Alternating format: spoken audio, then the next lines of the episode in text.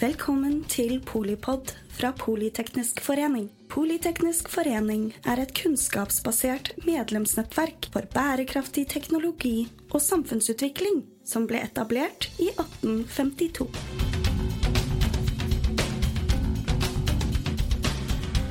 Hei, velkommen til Polipod full sirkel, Politeknisk forenings podkastserie om bærekraft og sirkulærøkonomi.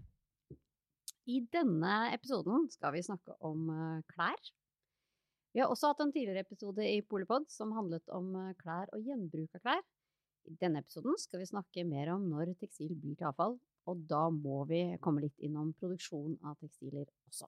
Velkommen til dere. Jeg har med meg to flinke eksperter på tekstil, materialgjenvinning og teknologi og det meste her i dag. Dere kan få lov til å introdusere dere selv. Jeg heter Solveig Irgens, og dere er Hei, jeg heter Kristine. Kristine Berg fra, fra Tomra. Jeg heter Tordale, jeg er leder for bærekraft i Virke og leder ei arbeidsgruppe som jobber med produsentansvar på tekstil. Flott. Det er ikke hvem som helst som sitter her i rommet, det er mye kunnskap i dette rommet. Norsus har akkurat kommet med en rykende fersk rapport som viser at vi i Norge importerer 105 000 tonn forbrukertekstiler til Norge hvert eneste år.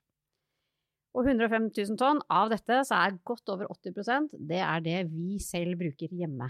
De klærne vi har på kroppen, senger, nei, senger, sier jeg, unnskyld, dyner og tepper og gardiner og pynteputter. Og 80% av dette, ikke sant, hvor mye blir det? Jo, det blir sånn ca. 17 kilo per person i året. Og 17 kilo, hvor mye er egentlig det? Tord fortalte meg akkurat nå at 17 kilo, det er omtrent det samme som en liten border collie veier. Så hvis dere ser for dere en uh, gjeterhund som løper rundt på 17 kilo Og så er det jo litt sånn en, uh, for eksempel en jeans veier kanskje en halv kilo, en vinterjakke veier en og halv kilo.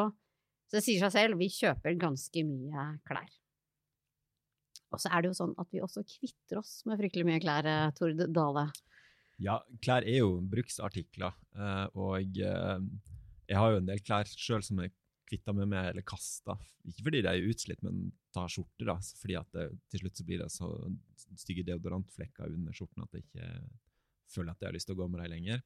Så, vi, så totalt så eh, kvitta vi oss med omtrent 80 000 tonn klær hvert år. Eh, og da går omtrent, eller litt over halvparten av det går i, i restavfallet. Altså i tekstilavfall. Ja, riktig. Såpass, ja. ja. Og mm. da vet vi at i det så er det en del ting som kan materialgjenvinnes eller gjenbrukes. Ja. Men det er vel Én uh, ting er når klær blir slitt ut og som du sier får stygge flekker eller ting mm. som vi ikke klarer å, å reparere eller ja, eller ikke, ja, som vi ikke vil bruke lenger. Men det er vel kanskje også en annen grunn til at vi kvitter oss med klær, som handler mer om mote, eller? Ja, altså vi gjorde, Virke gjorde en undersøkelse i mars 2022, og da spurte, fikk vi Opinion til å spørre 1000 respondenter hva er hovedårsaken til at folk kvitter seg med klær. Da svarer 54% at hovedårsaken er at det bruker de ikke lenger. altså Det blir liggende i skapet. Sjøl har jeg noen skinny jeans som sikkert så veldig kule ut da jeg var litt sånn rundt 30 år, men Tord 44 i skinny jeans passer ikke like bra. Og det er litt sånn, uh, Skinny jeans har vært kult en periode, og akkurat nå, hvis du ser på kidsa i gåseøynene nå, så går de i veldig baggy jeans. Da blir Tord mann 44 han blir sånn 'herregud, så grusomt stygge jeans'. så det viser seg at det endrer seg veldig. Uh, og når jeg var ung, så var det sånn, da hadde vi a-ha, og så hadde vi liksom, noen idol-ikon som vi så opp til. Uh, og så skulle alle kle seg sånn. Men nå så har man jo uh, tusenvis av idol-ikon-influensere, og man har tusenvis av kanaler som man blir påvirka gjennom. Så det påvirker nok også at den her takten på hva som er kult, den endrer seg raskere, sånn at man kanskje skifter trender og, og skifter plagg oftere. Men heldigvis så ser man nå at man er flinkere til å kjøpe brukt. da at secondhand, eller vintage, eh, som det også blir kalt, det er, blitt mer poppis. da. Jeg leste faktisk akkurat nå at eh, nordmenn er verdensmester i brukthandel. Vi er jo også dessverre verdensmester i forbruk, da. Men det var nå litt hyggelig å høre nyheten om at vi også var Vi liker å være pallen. ja, ikke sant. Men Kristine, har du noen klær i skapet du ikke bruker, eller? Og jeg har faktisk ganske mye klær i skapet som ikke jeg bruker. Det, jeg så veldig tydelig det når eh, pandemien slo inn, at eh, det var mye klær som bare ble hengende, som hadde brukt mye på konferanser på møter og sånn tidligere, som plutselig ikke hadde bein å gå på, så å si. Så det Absolutt. Jeg tror det er, det er mange som har ting liggende hjemme i skapet som, som ikke man bruker lenger. Og det er for så vidt eh, helt greit, det også. Men så er det viktig hva er det man gjør med det, da, når ikke man, når ikke man skal bruke det lenger, og ikke syns sjøl man kanskje passer like godt i skinny jeans som man gjorde, gjorde tidligere. Jeg tenker, En ting er jo de klærne som vi legger i innsamlingsboksene til Fretex og Røde Kors og andre organisasjoner.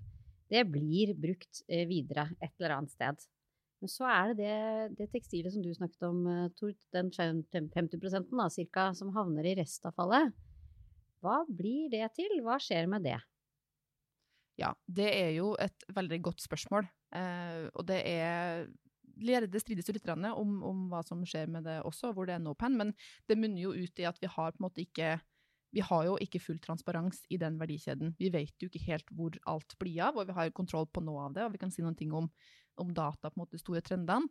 Men man har jo ikke fullstendig kontroll på hvor det blir, hvor det blir av. Og um, det er jo litt varierer litt i Norge på en måte hvordan, om det er greit at det går i restavfallet eller ikke.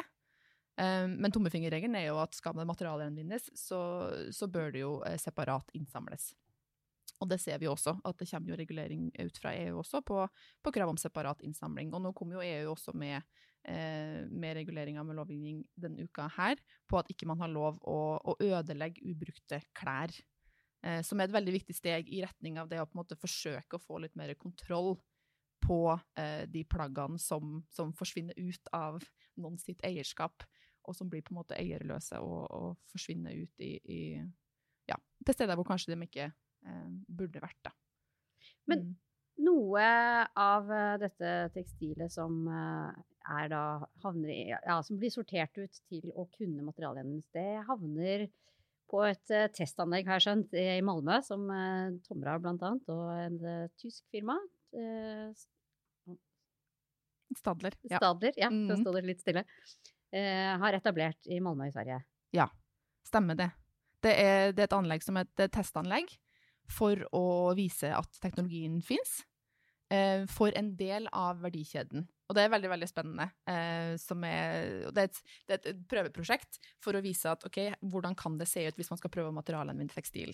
Og nå skal det sies at det anlegget her er, det er en testskala, um, og det, hensikten der er jo å vise at man har den missing link, altså den skalerbare, automatiserte sorteringa som man kan plugge på i verdikjeden, med samarbeid begge veier, og det er, det er essensielt. Altså skal man løse det her, så må man samarbeide, og det er derfor også det er et samarbeidsprosjekt Eh, inn i det senteret. Men hvor man da, akkurat her i det tilfellet her, så ønsker man jo å ha fiber-til-fiber-gjenvinning eh, på, hva skal man si, på gate out fra anlegget.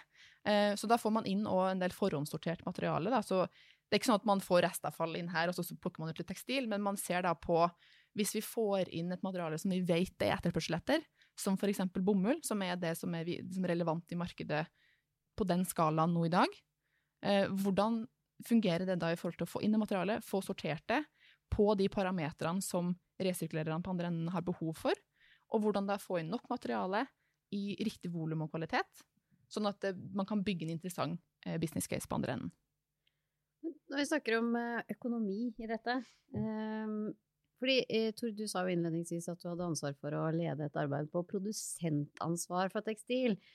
Og så vidt meg bekjent så handler produsentansvar bl.a. om hvem som skal gjøre hva og betale for hvem skal betale, rett og mm. slett.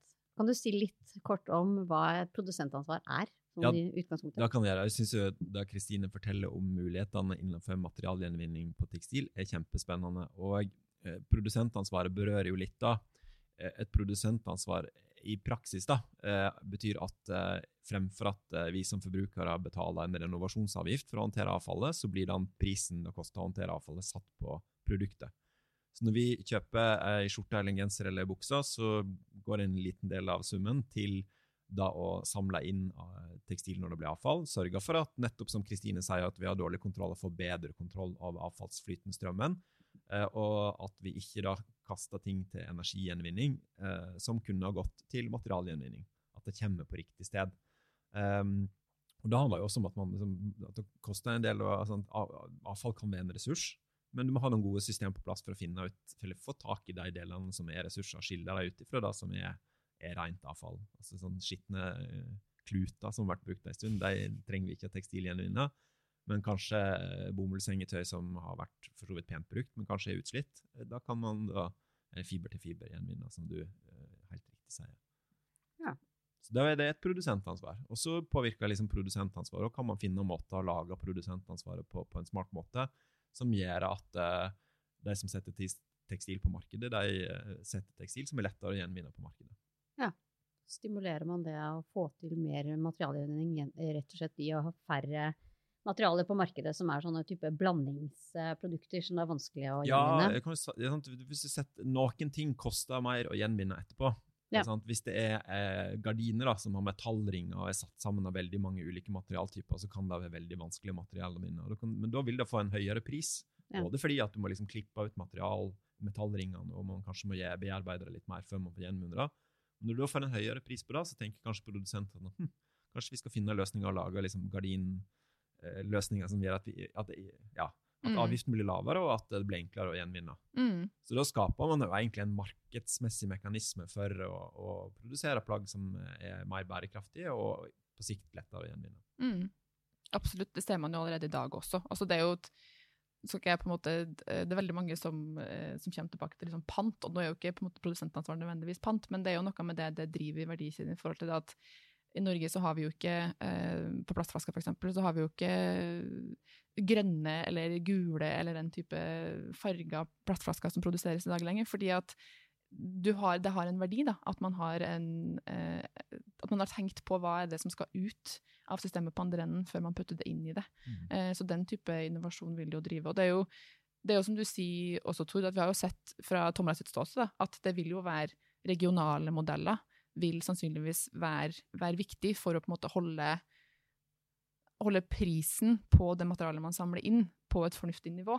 Altså at man reduserer transport og, og kostnader på eh, import og eksport, og at man heller eh, kompetansen også regional, for det vil da drive det vil da drive en innsamling som gjør at man har en kortere en måte, loop, eh, og det vil være mer effektivt. Og da har man også det lettere å etterfølge, sånn at man har kontroll på hva slags type materiale er man samler inn, og hvilken kvalitet er det, og, og at ettermarkedet sitter mye tettere også på gjenvinningsteknologien da, eh, og på sorteringsteknologien. Og det er ganske viktig for å holde, for å holde prisen nede, som gjør at det, som du sier, at det da blir eh, sammen da, blir det et virke, virkemiddelapparat som, som, kan, eh, som kan drive attraktiviteten av resirkulering av eh, tekstilfiber til fiber opp. Det er jo det vi ser i mange tilfeller når vi undersøker hvordan vi i det hele tatt kan få til sirkulære forretningsmodeller og tjenester, så er jo at det at sirkulærøkonomien er kanskje mer regional og mer lokal enn det den er i dag. Tekstilproduksjon i dag, det foregår i stor grad i Asia. Sånn at det du snakker om nå, er jo egentlig en revolusjon, intet mindre. fordi da vil man jo måtte ha tekstilproduksjonen også regionalt, da, i Norden f.eks., eller i Europa, og hente disse verdikjedene hjem, som vi sier av og til. Hva tenker du om det, Tord? Jeg tenker, ja, Hva tenker jeg om det? jo, altså i, i, i dag så er det jo altså, det her med å veve Nå er jeg ikke ekspert på tekstilproduksjon, men etter det jeg ble fortalt, krever det en del kompetanse med det her. og, og sånn at Man skal spinne tråd fra dette som blir samla inn. Man skal kanskje blande det med litt nytt materiale for å få den kvaliteten man ønsker, og så skal man veve, veve det til tekstilfiber. Og Den kompetansen finnes ikke så mange plasser i, i Europa, men litt i Portugal, litt i Italia og en del i Tyrkia. Så jeg vet at mange av de som ser på materialgjenvinning i, i Norden, de samarbeider med type veveri og, og, eller spinneri og veveri i, i disse landene. Mm. Ja. Riktig. Um, EU, vi var litt inne, du var litt inne på EU og krav fra EU litt tidligere, Kristine. Og I fjor så la jo EU fram en eh, egen tekstilstrategi som en del av denne både Green Deal, men eh, EUs handlingsplan på sirkulærøkonomi. Og Frans Timmermans, jeg tror han gikk så hardt ut som han sa omtrent at vi skulle avskaffe fast fashion, eller i hvert fall noe i den dur. Um, likevel så var vel ikke miljøbevegelsen eller de som har jobbet lenge med tekstil og miljø, uh, fornøyd. Jeg vet at eh, Ingunn Klepp, som er professor ved Oslo OsloMet, eh, som har forsket på tekstiler i veldig mange år, hun uttalte til NRK at eh, EU i sin strategi ikke adresserer det egentlige problemet, nemlig overforbruket av klær. Disse 17 kiloene, alt jeg på å si, som vi importerer hvert år. Og mengdene med klær som blir importert til EU i det hele tatt, da. Eh, Tord, har Ingunn litt rett, eller? Altså, Jeg er en stor fan av Ingunn. Jeg har møtt henne. Jeg tror jeg, jeg, jeg, altså, For de som er interessert i klær, de vet hvem Ingunn Klepp er. Ja. Eh, og jeg eh, elsker å krangle med Ingunn og diskutere disse tingene med Ingunn, og jeg tror vi liker å snakke med hverandre. Så jeg tror hun har litt rett, men så tror jeg også det handler litt om hva politikk kan regulere, og at når man lager politiske reguleringer, så er det ikke alltid at, man, at ting blir skrevet direkte. Eh, da EU har jo en strategi på tekstilstrategien som henger sammen med liksom, sirkulærstrategien. og Da regulerer jeg noen ting i produksjonsprosessen som er i denne økodesignforordningen. Og så regulerer de ganske masse i det som er den fasen der det blir solgt til forbruker, gjennom det her som heter Empowering Consumers, da man får det her eh, nytt regelverk på, på green claims annet, og styrka forbrukerrettigheter, right to repair. Og så regulerer man på avfallsfasen, som er bl.a. produsentansvar. da. Eh, og det er jo opp ønsket å oppnå med det, er jo sånn, og gjennom økodesignforordningen å stille krav om bruk av fornybar energi eh, i produksjon. Så jeg tror man kommer mye lenger eller raskere mot bærekraft hvis man tvinger tekstilbransjen eller, eller insentiverer tekstilbransjen til å investere i fornybar energi i produksjon og få ned klimautslippene og klimamålene raskere. Eh, og Gjennom å gi forbrukere bedre rettigheter så kan man også forlenge levetiden, og forbrukeren kan ta mer opplyste beslutninger om hvilket plagg de kjøper. Altså Man kan vurdere mer enn bare pris. Eh, og så er det sånn det her med det er kjempestort vannforbruk på å produsere tekstil. I Norden så er vi gode på faktisk vann og avløp på rør. Eh, og, og, den kompetansen kan man tenke seg kan brukes for å få en mer bærekraftig tekstilproduksjon. Men disse elementene i seg sjøl vil jo være med på å, å drive, altså påvirke prisen på tekstilplagger. Eh, så det er mer fornuftig at, enn at vi sier at nå skal vi heve prisen, vi må ha miljøavgifter som går inn i statsbudsjettet, den store potten til å sånn, drive Norge, bygge velferdstjenester i Norge, så er det mer fornuftig at det går inn penger i verdikjeden til tekstil som blir brukt til omstilling i utviklingsland, der dette er faktisk er viktig, det er viktig, veldig viktige kvinnearbeidsplasser. Ja, mange sosiale utfordringer man må ta, altså knyttet til sosial bærekraft som man må ta tak i, men for land som Bangladesh, Vietnam eh, og andre land i Sørøst-Asia så har dette vært kjempeviktige industrier for eh, å få opp eh, ja, på levelønn og sysselsetting og for sysselsetting, for verdiskaping, ja. for arbeidsplasser. Mm, ja. Mm. Det var jo uh, politikeren Tord, holdt jeg på å si, eller som snakket her litt, grann, i hvert fall gjorde rede for hva politikere tenker om hva man kan regulere og ikke. Mm. Men Kristine, fra Tomra sitt ståsted, dere har jo et ganske annet ståsted enn det Virke har, selvfølgelig. Uh, hva tenker du må til på kort og lang sikt for å gjøre tekstil, eller norsk tekstilnæring, da, mer bærekraftig? Ja, jeg tror det er, det er veldig spennende poeng som, som, du har, Tord. Og jeg tror det er etter å ha forska en del på, på, havplast og jobba en del med plastforsøksproblematikken også, så er det veldig fristende selvfølgelig å si at hvis man gjør den ene tingen, så man fiksa det, og så er vi liksom in the clear. Um, så det er fint det du sier, jo, at det er flere aspekter ved det. Man må tenke litt på liksom, hvilke trade-offs er det man trigger hvor. Sånn er det alltid når det er komplekse problemer, uh, som, som, også for så vidt er ganske spennende. Men, men jeg tror det er, det er, et poeng også at vi har Du snakker på om, om hvor det produseres hen.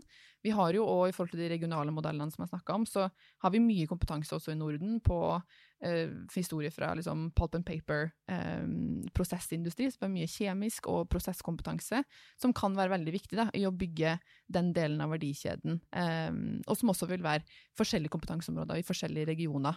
Eh, og det å klare å løfte det tror jeg blir, tror jeg blir viktig. Og så må vi samle inn mer. Altså Nå snakker ja. vi også om den spesifikke delen av, av materialstrømmen som ikke selges i bruktbutikker. Eh, og der er det jo kjempe, det er en kjempeutfordring. Det ser vi jo helt tydelig i media. Og det er også et enormt verdipotensial der i materialet, altså som egentlig har verdi, som noen har brukt penger på å produsere, som vi bare eh, lar forsvinne ut i store intet. Så det å hente inn det, det er klart at det vil koste litt, men det er også superviktig, eh, fordi at det ligger verdier der. Så vi må samle inn mer. Um, og det er jo en ting vi ser, og at det er, som du var inne på, Tord, altså konsumenter, vi som forbrukere, legger fantastisk med press på i riktig retning. Så det er skikkelig, skikkelig medvind, ser man på, på grunn av det, det, presset som konsumenter legger på, forbruk, altså på um, klesprodusenter og på industrien. Da. Og så ser vi jo at det er viktig med god regulering for næringsutviklinga rundt det.